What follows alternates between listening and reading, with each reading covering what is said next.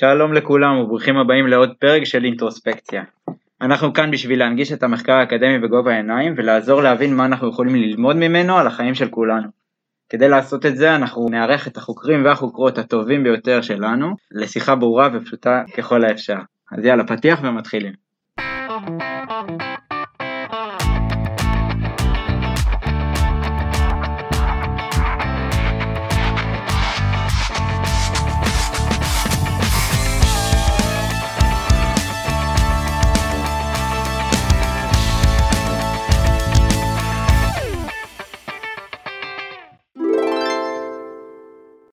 כאן עמית וענבר מהעתיד.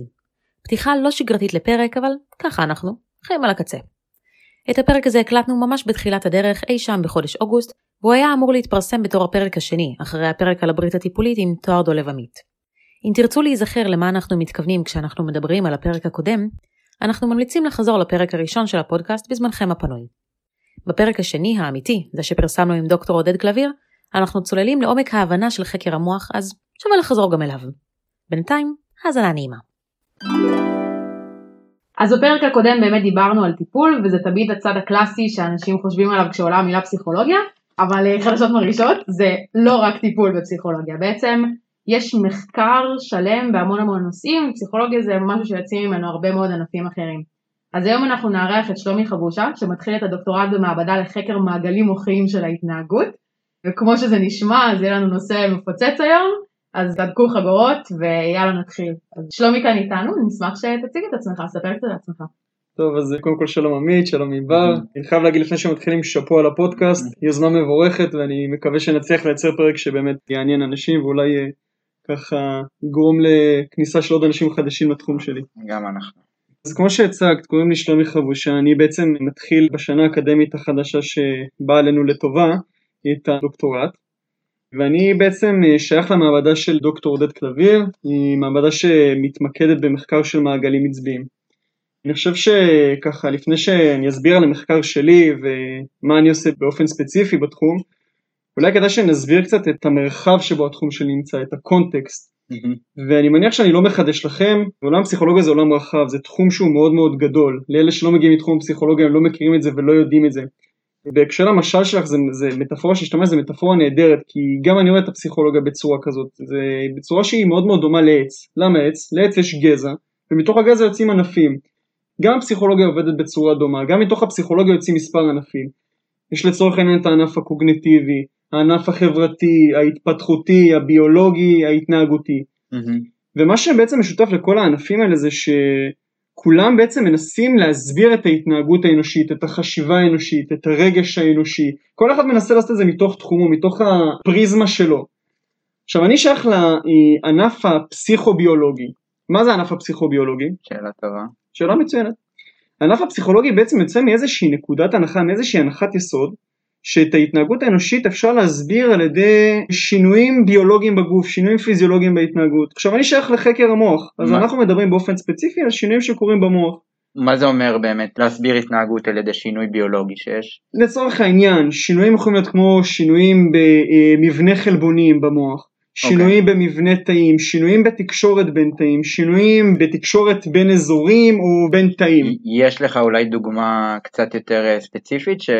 תעזור לעשות קונקרטיזציה למושגים האלה? אני חושב שיש דוגמה, תראה בעבר נטייה הייתה לחשוב שאזור מוחי מסוים אחראי על התנהגות מסוימת. היום אנחנו מבינים שזאת לא התמונה המלאה, זו לא התמונה בכללותה, אנחנו מבינים שאומנם אזור, אותו אזור באמת קשור לאותה התנהגות, אבל במקביל לאזור הזה שפועל פועל גם אזור ב'. ואזור ג' ואזור ד' ואזור A הם פועלים במקביל אחד לשני, הם פועלים באינטראקציה אחד עם השני, אחד יכול לעורר את השני, אחד יכול לעכב את השני, זאת אומרת מה שאנחנו מבינים היום זה שהתמונה היא קצת יותר מורכבת ממה שחשבנו לפני זה. Mm-hmm. וזה בעצם מה שמייחד אני חושב את המעבדה של אה, עודד שהמעבדה בעצם מתעסקת במעגלים עצביים זאת מעבדה שלוקחת בחשבון שהמערכת שפועלת אצלנו בתוך הראש היא מערכת שהיא יותר מורכבת. היא, לא, היא לא פשוטה כמו שנדמה לנו. כן כלומר שאני מבקש ממך להביא דוגמה קצת יותר אה, פרקטית ומהחיים האמיתיים אתה אומר התמונה פה מורכבת והמעגל והמערכות שמעורבות בכל העסק הזה הן רבות ובגלל זה אני לא יכול לייצר סיבת תוצאה מאוד פשוטה של ביולוגית קרה משהו במקום מסוים צפינו בהתנהגות כתוצאה מכך. נכון, אני חושב שיש, אני חושב שיש אולי דוגמה, לא יודע אם זה הכי מתאים, אבל זו אולי דוגמה שתעזור להבין את זה. קח לצורך העניין את המחלה דיכאון, מהמם. אוקיי? דיכאון זו מחלה מאוד מאוד נפוצה, היא מאוד מאוד שכיחה, ואז נשאלת השאלה, יש היום הרי כבר טיפול תרופתי לדיכאון, למה טיפול תרופתי מסוים עוזר לבן אדם אחד עם דיכאון, אבל לא עוזר לבן אדם אחר עם Mhm. דיכאון? הרי אנחנו מבינים שדיכאון קורה בגלל איזשהו שינוי במולקולות שמשוחררות אצלנו בראש, נכון? מהמם. אבל אם זה, אם לכולם סובלים מדיכאון, ודיכאון זה אותו דבר, אז למה זה לא משפיע על כולם אותו דבר?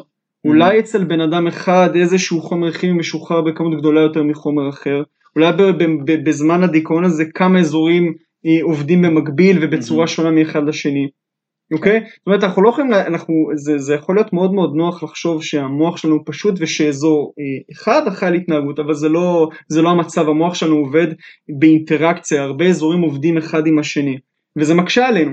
כן. אבל הקדמה היום והטכנולוגיה באמת מאפשרת לנו לחקור את הדברים האלה בצורה מיטבית. הקדמה הביאה איתה את הכלים אה, שמאפשרים לנו לחקור בצורה טובה את המוח. זאת אומרת לחקור מערכת קצת יותר מורכבת. נכון מאוד. ובעצם מה שאתה אומר זה שאם, גם אם אנחנו לא אומרים נניח אזור A בהכרח אחראי לפעולה B, אלא זה משהו שהוא יותר מורכב מזה, אה, אבל בגדול אנחנו יכולים להגיד שבחקר המוח אז אנחנו בעצם מסתכלים על איך המוח עובד ואיך מתוך מה ש... שהוא עושה אנחנו יכולים ללמוד על ההתנהגות שלנו, זה מה שאתה אומר? אני אומר שאני לא אומר שאותו אזור לא אחראי להתנהגות, אני רק אה, שם דגש, אני לא אומר שאותו אזור לא אחראי להתנהגות, הוא בהחלט קשור, אבל יכול מאוד להיות שהוא לא אחראי הבלעדי, אוקיי? כי במקביל אליו פועלים אזורים נוספים.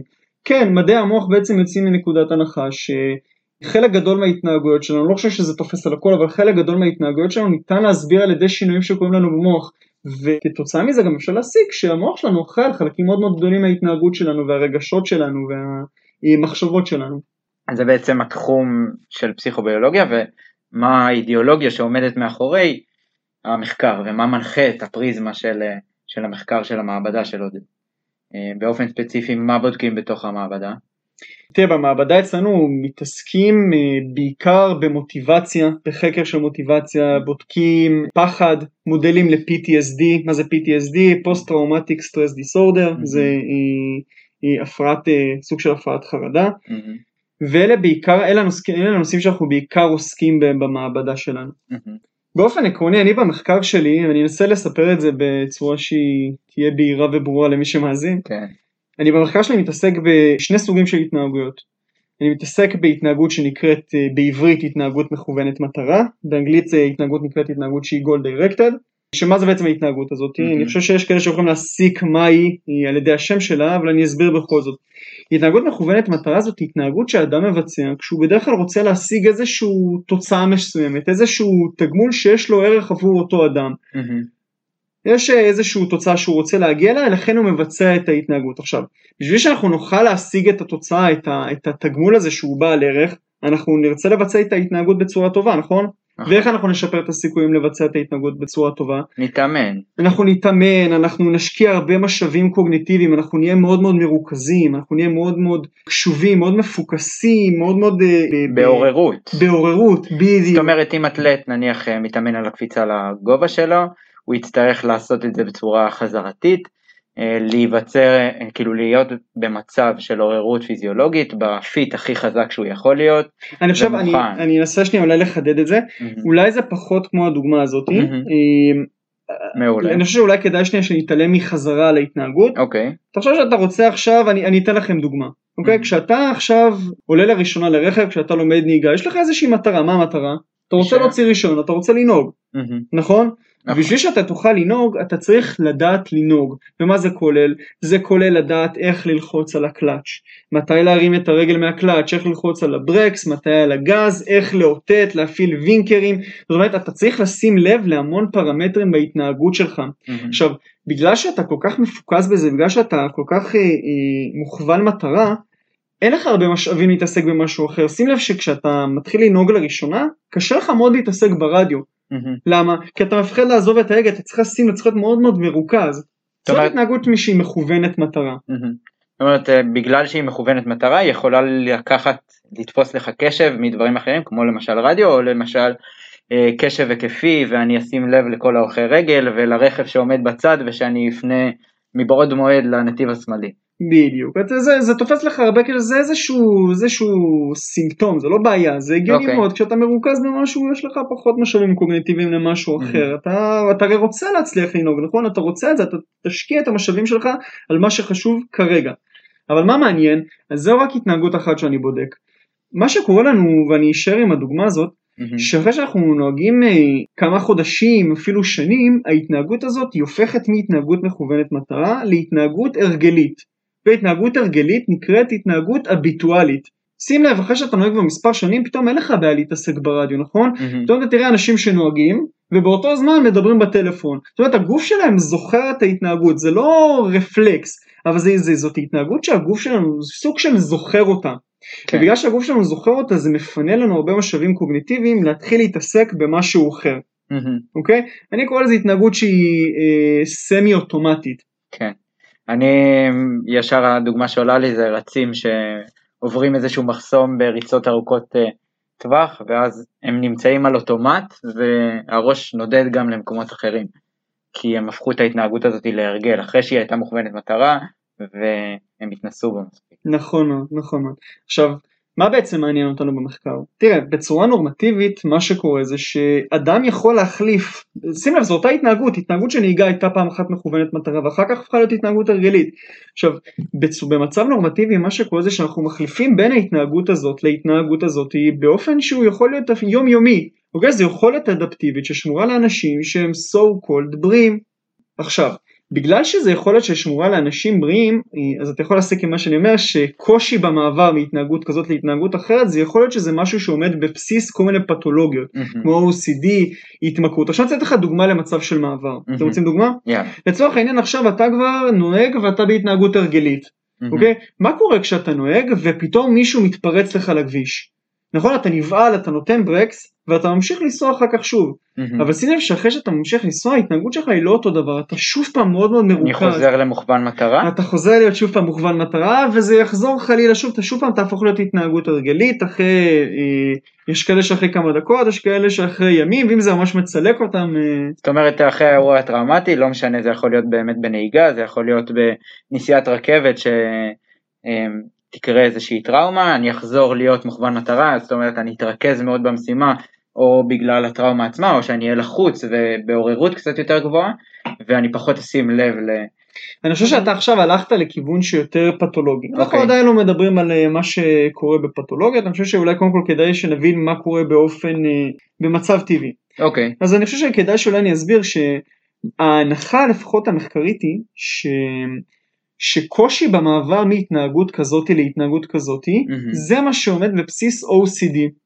אוקיי, ואז מה שקורה זה שאנחנו רואים שאנשים תקועים במה, בהתנהגות כזאתי או התנהגות כזאתי. עכשיו, יש הרבה מאוד, אה, אה, יש, שם- יש ויכוח גדול בספרות של האם התנהגות שהיא OCD, goal directed, היא מוכוונת מטרה, או שהיא התנהגות הרגלית. רגע, לפני שנמשיך, אם תוכל להסביר לנו שנייה מה זה OCD לטובת מי שפחות מכיר. אז זהו, אז OCD זה Obsessive Compulsive Disorder, זה מורכב מאובססיות, אני אומר שהרוב יודעים, אובססיות זה בעצם איזה שהן מחשבות חוזרות ונשנות, שהן- טורדניות. הן טורדניות והן כפייתיות, אנחנו לא, הן, הן בלתי רצוניות, אנחנו לא באמת שולטים בהן. אבל המחשבות האלה יוצרות חרדה, אוקיי? זה חרדה כמו האם המיקרופון שעכשיו אני מדבר בו הוא מלא בחיידקים, זה יוצר אצלי חרדה, נכון? אני לא רוצה את חולה, אני מאוד מפחד, זה, ואני לא יכול לשלוט בזה, זה ממשיך לחזור אליי. וזה מורכב גם מקומפולסיות, מה זה קומפולסיות? קומפולסיות זה בעצם הטקסים שאנחנו מבצעים, שעוזרים לנו להפחית את החרדה. קומפולסיה זה לצורך העניין עכשיו, לבוא ולנקות את המיקרופון הזה שוב ושוב ושוב. עכשיו, אני רק חייב להגיד, OCD זאת מחלה שהיא היא, היא מאוד מאוד שכיחה, אוקיי? אני חושב ש... לא זוכר בדיוק את האחוזים, אני חושב ששניים או שלושה אחוזים מאוכלוסיית העולם בעצם סובלים מ-OCD. עכשיו, אם תשאלו אותי, ואני לא, אני עדיין לא מדען גדול, ספקטרום, אני. חושב שכולנו באיזשהו מקום יש לנו OCD, פשוט זה לא מגיע למצב שפוגע לנו בשגרת החיים, זה, זה, זה משהו שהוא לגמרי בסדר, הוא לא פוגע לנו בשגרת החיים, אבל מה קורה כשזה מגיע למצב קיצון? תחשבו כמה זמן הקומפולסיות האלה בעצם שואבות מאיתנו במהלך היום יום. תחשבו כמה זה מגביל את האדם באופן יומיומי, זה יכול לגרום לסבל מאוד מאוד גדול. עכשיו, אם זה גורם לסבל מאוד מאוד גדול, זה אומר שחשוב לפתור את הבעיה הזאת. מהמם. אוקיי? זה, זה גם ההסבר ללמה מחקר כזה יכול להיות מאוד מאוד אה, חשוב ויעיל.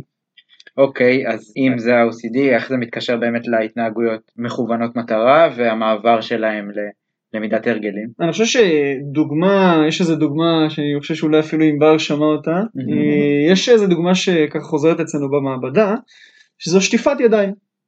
אוקיי? שטיפת ידיים, הרבה פעמים קל להבין אה, הסברים מתוך דוגמאות. שטיפת ידיים יש לה איזושהי מטרה. מה המטרה של שטיפת ידיים? שהיד שלנו תהיה נקייה, זאת איזושהי התנהגות מכוונת מטרה.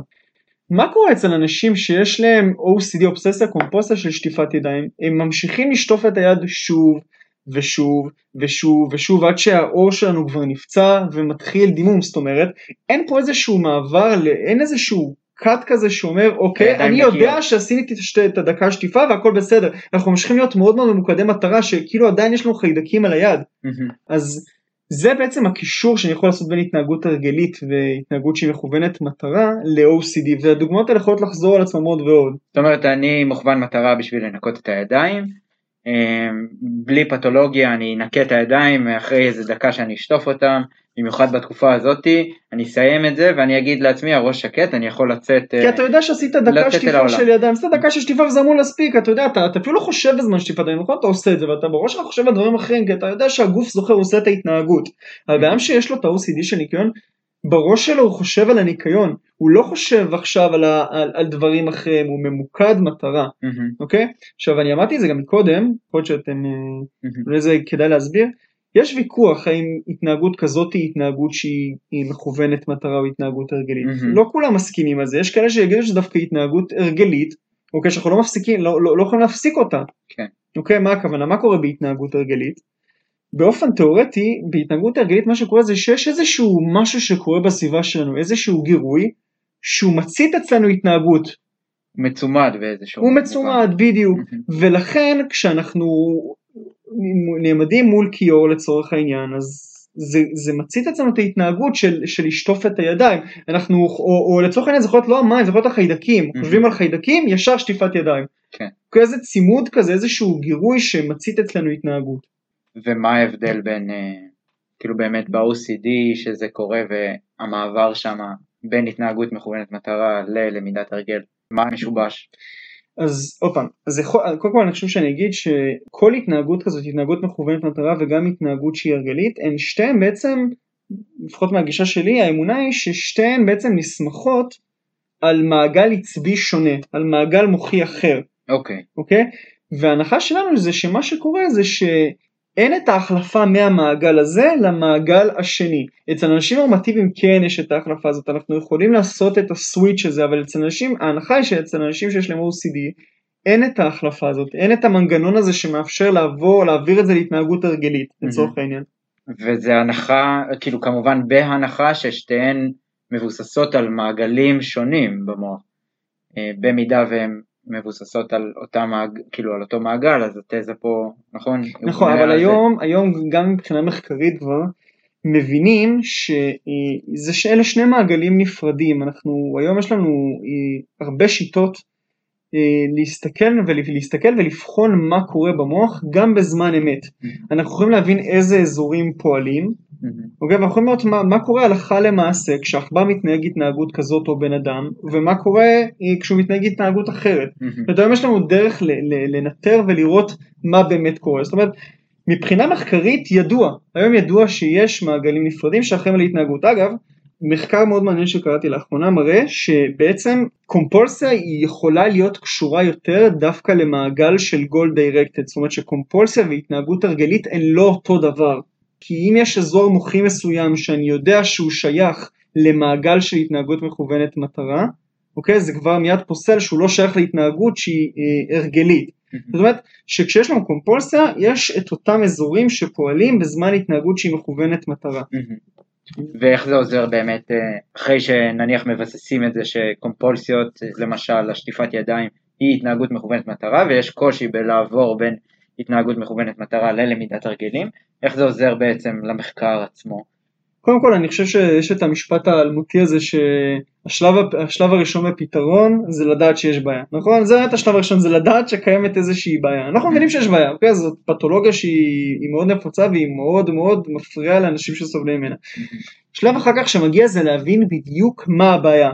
ואני חושב ששם כרגע המדע עומד. זאת אומרת, עדיין אין איזושהי הסכמה נרחבת לגבי מה בדיוק קורה ב-OCD. זאת ההנחה של הגישה שבה אני נמצא. אבל ברגע שאנחנו נדע שמה שקורה זה הקושי במעבר בין המעגלים, אולי נוכל לחשוב על פתרון אחר שיעזור לנו לעשות את המעבר בין מעגל אחד לשני ואולי על ידי זה נפתור את הזה, אבל זה, אתם יודעים, עוד, זה עוד חזון למועד כי התרומה של המחקר שלי, אני חושב שהיא כרגע בעיקר אה, למחקר. זאת אומרת לבסס איזשהו עוד יותר אה, בסיס רחב כדי שנדע מה... לבסס את ההבנה של מה בעצם קורה בפתולוגיה, עוד פעם, זה הלוואי והיינו יכולים ישר לקפוץ ולנסות לטפל, אבל לפני שאתה מנסה לטפל כדאי שתבין מה קודם כל הבעיה, כי אם אתה לא תדע מה הבעיה, יכול להיות שאתה סתם, אה, סתם תנסה לטפל במשהו שהוא לא, שהוא לגמרי בסדר. טירה באפלה. טירה באפלה, בדיוק. אז בעצם אם אנחנו מנסים לסכם בגדול את מה שדיברנו עד עכשיו, אז כשאנחנו מדברים על מעגלים עצביים אנחנו בעצם מדברים על תקשורת בין אזורים מסוימים. אוקיי, okay, לא בהכרח, כי יכול מאוד להיות שהתקשורת היא תתבצע בין סוג תאים מסוים באזור אחד לסוג תאים אחר באזור אחר. אוקיי, זה לא חייב לכלול את כל האזור. אני חושב שזה עוד אחד מהדברים שהקדמה אפשרה לנו לעשות. תדמיינו, אתם מכירים בטוח, גם מי שלא נמצא עמוק עמוק בתחום, גם הוא מכיר את השיטה הזאת של לעשות סטימולציה, איזשהו להעביר איזשהו זרם חשמלי באזור מסוים ולהפעיל אותו. תחשבו כמה השיטה הזאת היא גסה. אוקיי? אתה מפעיל אזור מסוים, ואנחנו יודעים היום שלאותו אזור יכולים להיות מספר סוגים של תאים שעושים פעולה הפוכה אחת לשנייה, או שמושפעים בצורה אחרת, ואז אני לא יכול להגיד שההפעלה של האזור הזה תביא לי התנהגות מסוימת, כי אני לא יודע בדיוק מה הפעלתי. Mm-hmm. יכול להיות שהפעלתי יותר תאים מסוג מסוים, mm-hmm. יכול להיות שהפעלתי יותר סוג תאים מסוג אחר, mm-hmm. אוקיי? ו- ובעצם קשה להסיק על איזושהי סיבתיות. זה אחד מהיתרונות של... אה, של השיטה שהיא נחשבת אה, יחסית, אה, לא אפשר להגיד שהיא שיטה חדשה, שיטת אה, האופטוגנטיקה שעושים בה שימוש בעצם אצלנו במעבדה. אנחנו גם ניכנס לשיטה הזאת אחר כך עם עודד אז אני, אני מקווה בפרקים, בפרקים הבאים שלנו. אז אני לא אשאל, לא אכנס יותר מדי לעניין הזה של אופטוגנטיקה אבל בגדול מבחינת איך שהמוח עובד אז בעצם כאילו יש הרבה הולכה חשמלית או כימית או כל מיני דברים כאלה שבעצם זה מעורר את הפעילות במוח. אמ, ואז חלק מהדברים שעושים, כמו שאמרת, זה כאילו לנסות לעורר איזשהו אזור מסוים במוח, אבל באמת... היום אנחנו מדברים על רמה של תא, בדיוק, אז... תא מסוים, ואנחנו יכולים היום גם לשלוט באיזה תא אנחנו מפעילים, יש מספיק אמצעים כדי לדעת שאנחנו מפעילים את התא הספציפי הזה. בדיוק. כן, אנחנו, הרי העבודה שלנו היא עבודה עם uh, בעלי חיים. אם כן, במקרה שזה לא היה ברור, אנחנו עובדים עם, uh, אצלנו במעבדה של עודד אנחנו עובדים עם עכברים. והיום יש לנו אפשרות להשתמש בעכברים שמונדסו גנטית, מה הכוונה? אנחנו היום מייצרים עכברים, זאת אומרת הם, הם נולדו ככה, הם לא עברו איזושהי פגיעה כדי שיהיו ככה. אה, זאת שיטה אחת, אפשר לקחת עכברים שהונדסו מראש ונולדו ככה, על ידי זיווג של אה, הורה כזה והורה כזה. ולצורך העניין יכולים לייצר עכבר שהוא מבטא איזשהו חלבון מסוים. והחלבון הזה, כשהוא יבוא במגע עם חלבון אחר שאנחנו נכניס, הוא ייצור הפעלה. ואנחנו יכולים להחליט איזה תאים יכילו את החלבון הזה כשהם נולדים איתו. אוקיי? זאת אומרת, יש לנו היום שיטה, יש לנו דרכים להיות מאוד ספציפיים ולדעת מה אנחנו מפעילים ולא סתם, כמו שאומרים, לראות לא באפלה ולנסות אה, להפעיל עם זרם חשמלי אזור. זה נותן את הדיוק הטוב. ו... כן, זה דיוק, אגב, תחשבו שמבחינה מחקרית, המטרה היא בסופו של דבר לצאת עם איזשהו... אה, איזשהו ערך ניבוי. זאת אומרת להגיד שברגע שאני אעשה ככה, יקרה ככה. ברגע שאתה לא יודע מה עשית וראית תוצאה, אתה לא יכול להגיד שהדבר הזה קרה, הוא גרם לתוצאה הזאת. אנחנו רוצים לנסות להיות כמה שיותר מדויקים, אוקיי? צריך להיות כמה שיותר מדויקים כדי להגיד, אוקיי, מה שעשינו עכשיו הוא זה שגרם להתנהגות שראינו בעין שלנו. גם כדי להבין קודם כל, וגם כדי לייצר איזשהו בדיוק. טיפול אולי תרופתי בהמשך. כן, אסור לשכוח שבסופו של דבר כל המחקרים האלה נעשים מאיזשהו צורך אנושי. כן, אנחנו יש היום בעיה שקיימת בעולם וצריך לתת לה מענה. אם לא היה את הבעיה הזאת, לא היה מי שיממן את המחקרים, לא היה מי ש... לא היה, לא, לא היה צורך להשקיע בזה הרבה מחשבה. אם באמת אנחנו מתחברים לצורך ואולי בעיה אנושית ורצון אנושי לדעת ולהבין יותר, רצינו לשאול אותך מה, מה הביא אותך ספציפית להמשיך לדוקטורט בתחום מדעי המוח. בכלל להתחיל כן. עם מדעי המוח. תראה, אני חושב ש... ואני כאן אגיד רק את אה, דעתי האישית, זה לא משהו שזה. לגמרי. אני חושב שיש משהו ב, ב, בתחום הזה של מדעי המוח והפסיכוביולוגיה והמוח ופסיכופתולוגיה, יש משהו בתחום הזה שלוקח אותנו לדעתי לפחות צעד אחד קדימה לעבר המדע המדויק. אני זוכר שכשעשיתי את התואר הראשון, אז למדתי הרבה קורסים, למדתי פסיכולוגיה חברתית, פסיכולוגיה התפתחותית, קוגניטיבית. כן, ובגדול היה קורס אחד שבעיניי, אה, שלפחות לי, אותי, אותי, תפס את התשומת לב שלי יותר, זה יסודות פיזיולוגיים של ההתנהגות. מהמם. ואני זוכר שבקורס הזה בעצם לימדו אותנו על המערכת העצבים, ממה היא מורכבת, על המבנה של המוח, על האנטומיה של המוח, למדנו על אנשים שחוו כל מיני פגיעות מוחיות, או אנשים שסבלו ממחלות מסוימות שהשפיעו עליהם וגרמו להם לפגיעה מוחית, וכתוצאה מזה ראו את השינויים ההתנהגותיים. והיה משהו בקורס הזה שהוא היה, הוא היה מאוד מאוד מרענן בנוף הזה של, ה- של שאר הקורסים שבעיניי היו מאוד מאוד תיאורטיים, העלו הרבה הרבה תיאוריות והיה בהם איזושהי, היה בהם איזושהי, איזשהו טיבול אה, פילוסופי. ולי הרג- הרגיש שהקורס הזה של יסוד פיזיולוגיה היה בו משהו שהוא קצת יותר ודאי, פחות אה, אולי תיאורטי, פחות, אה, יותר מדויק, כל פעם לדעתי. וזה, וזה תפס אותי. מהמם. וזה תפס אותי, ו- וכשלמדתי את הקורס הזה, וכשהחלטתי שזה מה שמעניין אותי, התחלתי גם לקנות ספרים. מהמם. לקנות ספרים ולקרוא על זה יותר, וכשאתה יודע שכשאתה עושה אקט כזה אתה מבין שזה משהו כן. שמעניין אותך.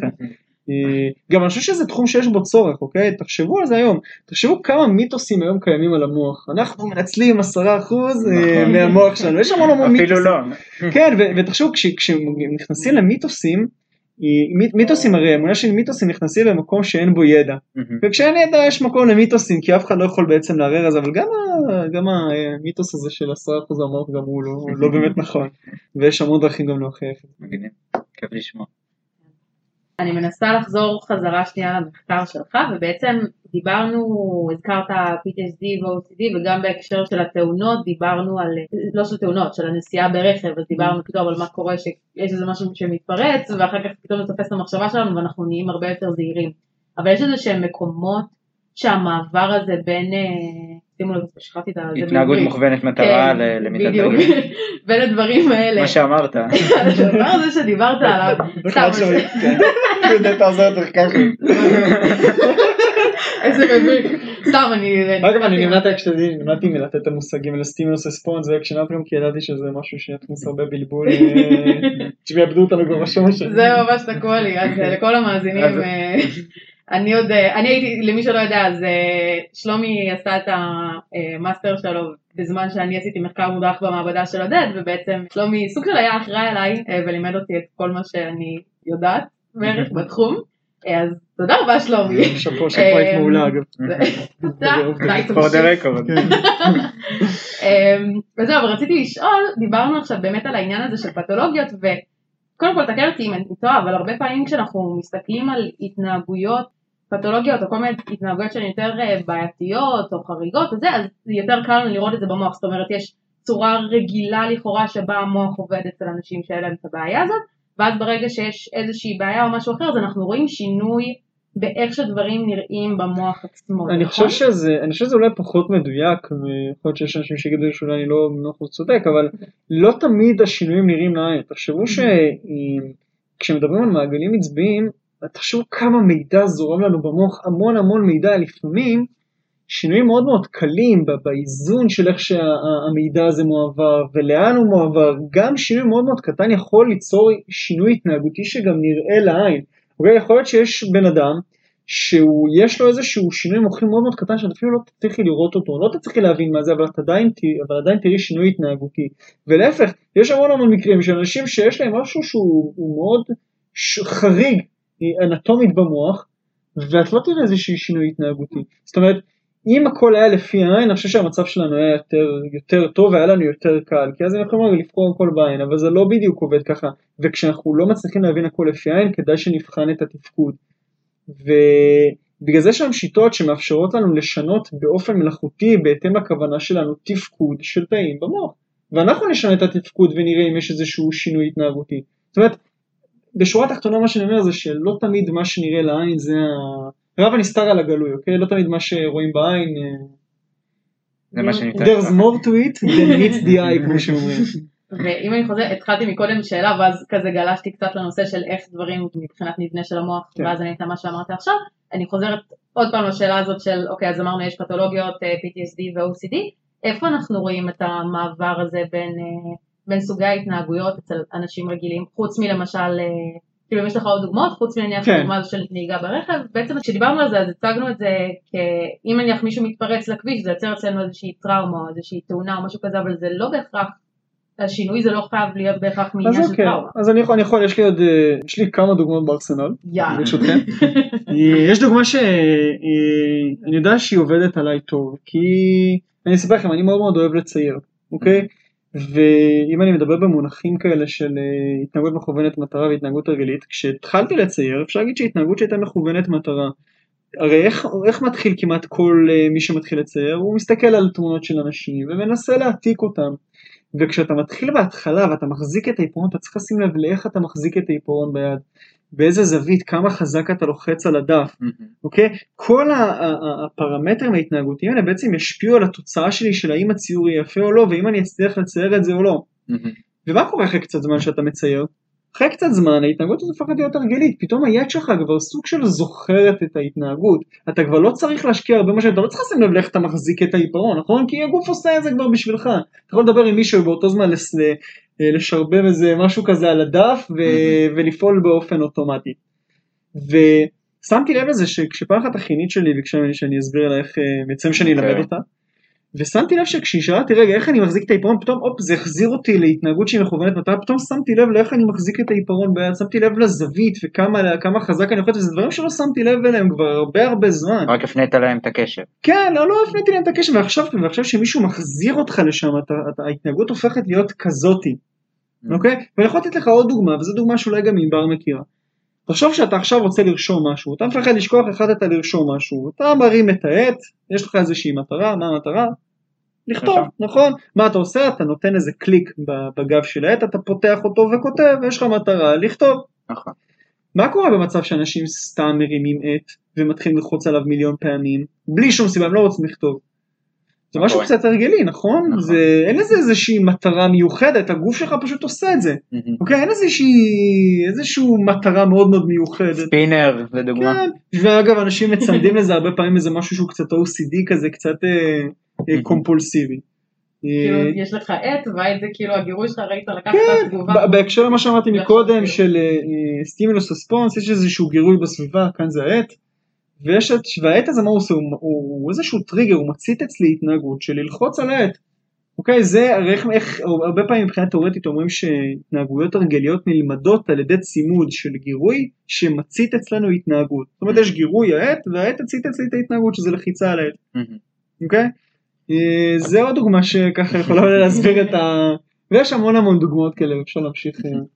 האמת שזה ממש הזכיר לי אה, עכשיו אה, איזשהו משהו שקרה לי לאחרונה, לא, לא עם העט, דווקא מה שאמרת מקודם, על זה שפתאום אנחנו נהיים הרבה יותר מודעים דווקא לדברים שאנחנו עושים, אז אה, זו דוגמה אחרת מההקשר של נהיגה, אבל אחותי עכשיו בדיוק קיבלה רישיון, ואני עכשיו המלווה שלה, אז פתאום כשהתחלתי לנסוע איתה, אז כשאני נוהגת לבד, אני נוהגת בממשלן שלי באוטומט, נוסעת לאן שאני צריכה, ועכשיו פתאום כשאני איתה, אז כל פעם כשאני עולה איתה על האוטו, אז אני ממש מודעת לכל מה שקורה מסביב, זאת אומרת, זה לא בהכרח שמישהו היה צריך להתפרץ אה, לתוך הכביש כדי שאני אשים לב לדברים האלה, פשוט משהו ב- בתפיסה שלי נהיה הרבה יותר אה, מודע למה שקורה, ובגלל זה ההתנהגות שלי נהייתה הרבה יותר מכוונת מטרה מאשר... אה, אני חושב אבל שהדוגמה הזאת שהייתה עם, ה...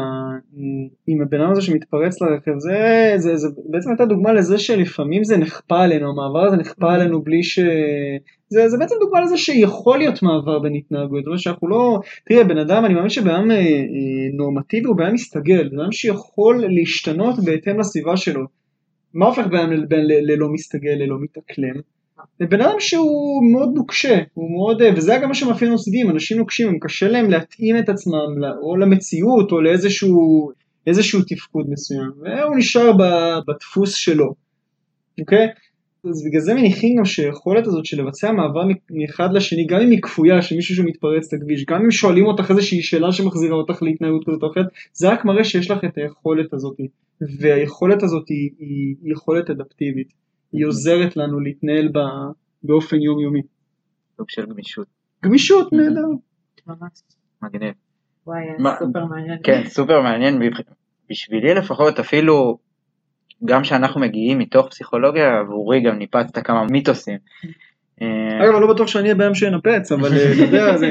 כן, אני חושב שיש משהו שמשותף לכל מי שעוסק במדע, זה חוסר הסכמה.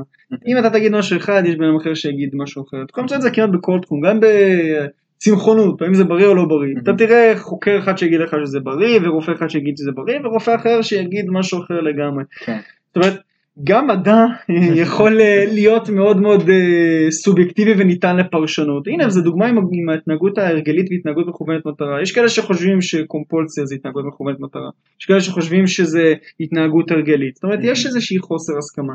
מה שאני אומר כאן זה כמובן בהתאם למה שאני יודע ולמדתי מאנשים אחרים. וכן, לנפץ מיתוסים זה טוב, זה תמיד טוב ללמוד ו... מגניב. רק לפני שנסיים, נגיד שענבר ואני עושים משחק בכל אה, סוף של פרק, אני לא יודע אם שמעת את הפרק האחרון, אבל מה שקורה במשחק זה שאנחנו מציבים שתי אופציות אחת מול השנייה, וכולנו בסופו של דבר נגיד מה אנחנו מעדיפים. הפעם אנחנו נשאל אותך, צריך לענות מהר? לא, מה אתה מעדיף? אה. כן, מה אתה מעדיף? שוקולד השחר או שוקולד נוטלה? אלה אלה שאלות- ששווה להתפלפל עליהן, שאלות בהחלט חשובות. שאלות אה, ברומו של עולם. חשובים באמת. תראה, צריך לערער על הדברים, אני לא מאמין בפזיזות, ולכן אני, אנחנו נשמור את זה, לא סתם, שוקולד נוטלה, בהחלט שוקולד נוטלה, הטעם האגוזי הזה הוא בהחלט משהו משהו מיוחד. אה, אגב, אני חייב להודות, אה, אה, וידוי מאוד מאוד אה, ככה מרגש, אני חייב שיהיה קצת רגש בפודקאסט, אני גדלתי עם, אה, לא עם שוקולד נוטלה, וזה עורר הרבה הרבה מחלוקות במשפחה, והרבה הרבה עניין. והיום אני מספיק עצמאי כדי לקנות לעצמי שוקולד נוטלה, אז אה, אוהבים אותך, אוהבים אותך שלום. תודה רבה. אני חושב שתמיכה זה דבר חשוב. השיתוף. אני היה חומי. מה איתך ענבר? וואי, לא חיים לנשום עכשיו. אה, אני ממש אוהבת שוקולד נוטלה, ואני כאילו כל החיים שלי חשבתי שזה באמת לא שוקולד בהגדרה הרגילה שלו, ואז כשגיליתי שזה אגוזים זה היה כזה, oh my god, זה עוד יותר מגניב, זה זה שוקולד קשור מיוחד. לפררו רושה גם, כן, המון המון עובדות. מה, עם קונצרן כאלה? וואי, בוא נעשה כן. פודקאסט. אגב, אה, יצא למחקר בשבילכם, אולי תיקחו את היוזמה, אולי אולי עליתם פה על תיאוריה, אולי העולם נחלק לשני לשני סוגים. לאנשים שמעדיפים להיות. נוטלה ואנשים שאולי זו דרך להסתכל על העולם, להבין אולי אנשים אז- יותר טוב. אז אני אביא את הדוגמה אני שלי. את הדוגמה שלי, ואני אהיה אפילו יותר גמיש מחשבתית ומעצבן, ואני אגיד זה תלוי, שוקולד השחר או נוטלה. כי תלוי קונטקסט, אתה אומר. לא תלוי כל... כשאתה עצוב אתה אוכל השחר, לא, יכול להיות, כי נניח פיתה חתוכה לרבעים זה בדוק עם שוקולד השחר, אין מצב שזה עם נוטלה. פטיבר גם עם, עם שוקולד השחר, אבל שוקולד נוטלה זה בטוסט הלחית של, ה, של הצבאי. כן. אה, וואו. האמת אז זה שכאילו, תלוי. אני בן אדם שאוכל את הפיתה שלו חד משמעית עם נוטלה ואני לא יכולה לאכול אותה עם השחר, אבל תכלס, כאילו כשזה מגיע לפיתה, באמת שרוב האנשים אוכלים את זה עם השחר. טוב שאתה. אני- פיתה עם הולדת כזה. פתאום פתאום, זה- אה, מלפפון חמוץ. כן. אה, הצעה לכם לפודקאסט המשך, אה, שאלה שאני ועמי התפלפלנו עליה גם, במעבדה זה איך יותר טעים לשתות תה, בכוס שקופה או בספל? אז תישארו יש. איתנו, יש מתח לפרק הבא. אה, סגור, אז תודה רבה שלומי, תודה שהיית פה איתנו. תודה לכם, היה. לי ממש ממש. איזה כיף. ותודה רבה גם לכל המאזינים שלנו, תודה שהצטרפתם אלינו ופתחתם איתנו ככה את הראש לכל הנושא הזה של חקר המוח ולמידה של הרגלים. ואם תוך כדי הפרק עלו לכם אה, שאלות נוספות, אז אנחנו מזמינים אתכם ואתכן לרשום לנו בקבוצת הפייסבוק, באתר, או לפנות אלינו דרך המייל. נזכיר שאפשר לשמוע אותנו בנייד, באפליקציית ספוטיפיי, אפל פודקאסט, אנקור ועוד, וכמובן גם באתר של התוכנית. ועד הפעם הבאה אנחנו מזמינים אתכם לבחון את ההרגלים בחיים שלכם ולנסות לראות מה אתם עושים על אוטומט ומה דורש מכם קצת יותר תשומת לב. אז יאללה, שתמע.